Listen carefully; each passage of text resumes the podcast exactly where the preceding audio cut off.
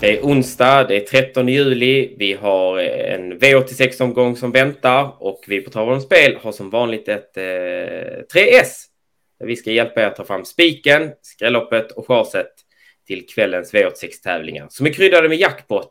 Det är 13 miljoner till en ensam vinnare beräknar ATG. Och eh, som hjälp eh, för att ta reda på vilka hästar vi lägger under respektive rubrik har jag som vanligt tänkte jag säga. Det är väl nästan du och jag som kör varje vecka. Rickard Hjellström, hur är läget?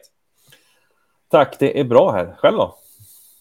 Det är bra fint. Solen skiner, jackpot som sagt ikväll så att eh, det finns inte mycket att klaga på.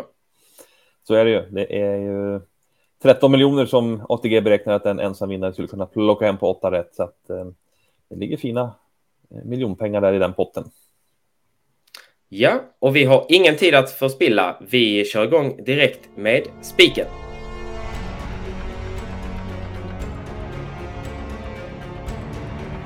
Spiken, då är vi V86.6 där vi har en struken häst i fem, Livy har Bros, vilket gör att vi bara har sju hästar till start.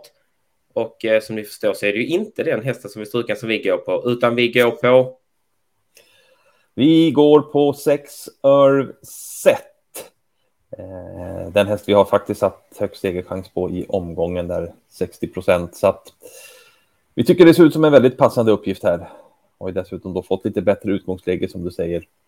Eh, han har ju hävdat sig väl på V75 på sistone. Var ju bra näst senast där från mestadels utvändigt ledaren. Senast var det en V75-final och ja, han eh, kunde inte riktigt haka på Born to Run och LA Boko över upploppet där.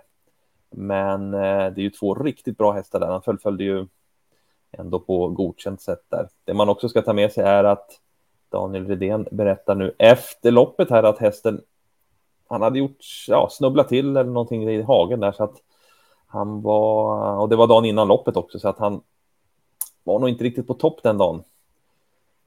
Nu verkar allt väl efteråt. Han har ju lopp i kroppen, tätare starter och eh, vi kan nog förvänta oss en vassare och bättre Örvset i form till kvällens lopp. Dessutom ser motståndet inte lika tufft ut så att ja, vi tror att det är en riktigt bra chans här och spikar Örvset alltså.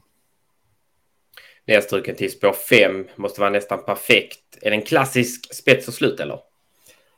Det kan det mycket väl vara. Eh, skulle han, det är väl typ nummer ett Global Legacy där som kan vara med och eh, häxa i spetsstriden, men som såklart favoriten är så är ju chansen stor att han ändå kan köra sig till spets där. Skulle han inte få det har han ändå visat att han också tål att eh, göra en del jobb, som i näst senaste loppet där han höll bra då från utvändigt ledaren som eh, tvåa där i 375 lopp. Så att även om det inte skulle bli ledningen så är det ju en riktigt bra segerchans. Yes, vi rättar in oss i favoritledet och spikar häst nummer 6, Irv Set i V86 6.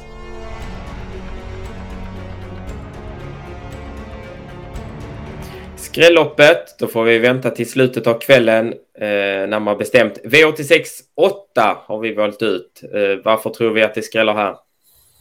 Ja, det är ju ofta man eh, landar i, eh, under den här rubriken i just diamantstorlopp som det är nu. Och eh, det är av en anledning att det kan vara lite ojämna prestationer bland stona ibland och det är oftast fulla fält, 15 hästar, vilket gör det öppet. Sen har vi en klar favorit ikväll i Nio Sanella som eh, ja, vi också tror har eh, högst segerchans i loppet. Har ju gjort, gjort det bra för Daniel Rydén där, vunnit tre av fem lopp.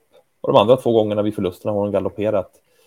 Eh, så att det är en bra häst för klassen och som tål att göra en del jobb. Så att visst har hon högst segerchans i loppet. Men det är första gången hon ska ut i voltstart i Sverige och ja, det kan ju vara lite lurigt och eh, stå med tillägg och så där. Så att eh, Ja, vi ska nog försöka fälla Sanella här och försöka jobba in en skräll i detta lopp. Mm. Jag kan eh, berätta att jag har kollat upp Sanella. Hon har gjort två starter i voltstart i Italien och ena gången så snubblade hon sig iväg men kom iväg och andra gången var hon inte nära ens att sätta en fot rätt. Så att eh, ja, det, man blir ju inte förvånad om det är en galopp direkt från start på den eh, klara favoriten i Sanella med, med, med tanke på att det är ett skrällopp vill vi ha lite drag här så eh, vad har vi att bjuda på? Ja, vi måste ju nämna nummer 11, Gitte Silvåkra, som ju är lite betrodd. Eh, alltså eh, klart spelvärd. Och eh, den här hästen är ju väldigt bra också för klassen. Var ju senast ute och mötte Margareta Thoma, Marion Fotibon och kunde inte hänga på dem till slut då. Eh, så det är inte så mycket att säga om, men avslutade i underkant 10,5 sista 700 och gången innan det på Solvalla så ja, då fick hon ett smyglopp. Fick kanske lite turlig lucka in mot upploppet då, men eh, sköt ju till riktigt vass där och eh, spurtade ju till seger och det här är ju en stark avslutare. Det som är lite problematiskt är väl att hon har ett femte spår då i voltstart och inte helt stabil så att visst är det galopprisk men felfri så ja, då är det ett eh, riktigt kul bud i loppet och ett eh, givet streck att ta med där. Ja, kul skräll att avsluta med 11 Gitte Silveråkra.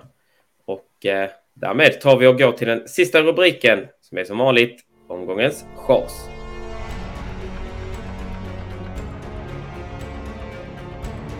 Omgångens chans hittar vi V86 2 som eh, likt skrälloppet är ett eh, voltstartslopp med två tillägg. Dock inte ston utan här får även hingstarna och Valakov vara med.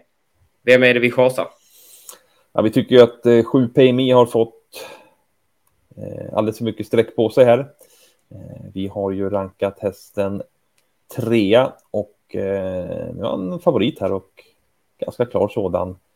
Eh, det tycker vi inte att han ska vara. Eh, hästen är ju bra, gick ju bra sist från, eh, ja, bra avslutning sist och så där så att inget fel på hästen. Men han är, han har ett knepigt femte spår här i voltstart. Eh, handlar ju om rätt så stor och eh, häst och så där så att även om det inte skulle bli galopp så är det väl risk för tappstart och att han måste göra en hel del jobb här så att eh, ja, vi håller honom inte som som högst segerchans i loppet här inte. Ska vi kanske avslöja, men vi har högst upp. Tycker jag vi kan göra. Det är nummer nio, Lexington Yoda, som ju har, eh, ja, som gick bra sist där när han fick tävla barfota runt om eh, för första gången. Eh, det var ju en rejäl avslutning. Satt ju en bit bak i kön och gick på i tredje spår redan 7-750 kvar. Kom ner utvändigt ledaren in mot upploppet och när Claes Sjöström rycker norska huvudlaget där en 130-140 meter före mål så svarar han bra och sträcker på sig fint där. Så att, ja, det var bra intryck på Lexington Joda där så att eh, den eh, håller vi som eh, första bud i loppet. Han verkar ju vara eh, klart på gång nu för dagen. Här. Yes.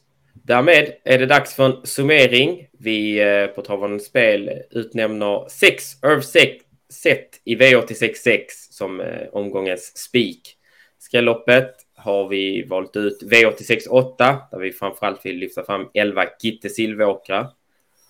Och så har vi chaset. Det hittar vi V86 2 där vi inte tycker att 7 Payme ska vara så ska vara favorit utan förordar istället 9 Lexington Yoda.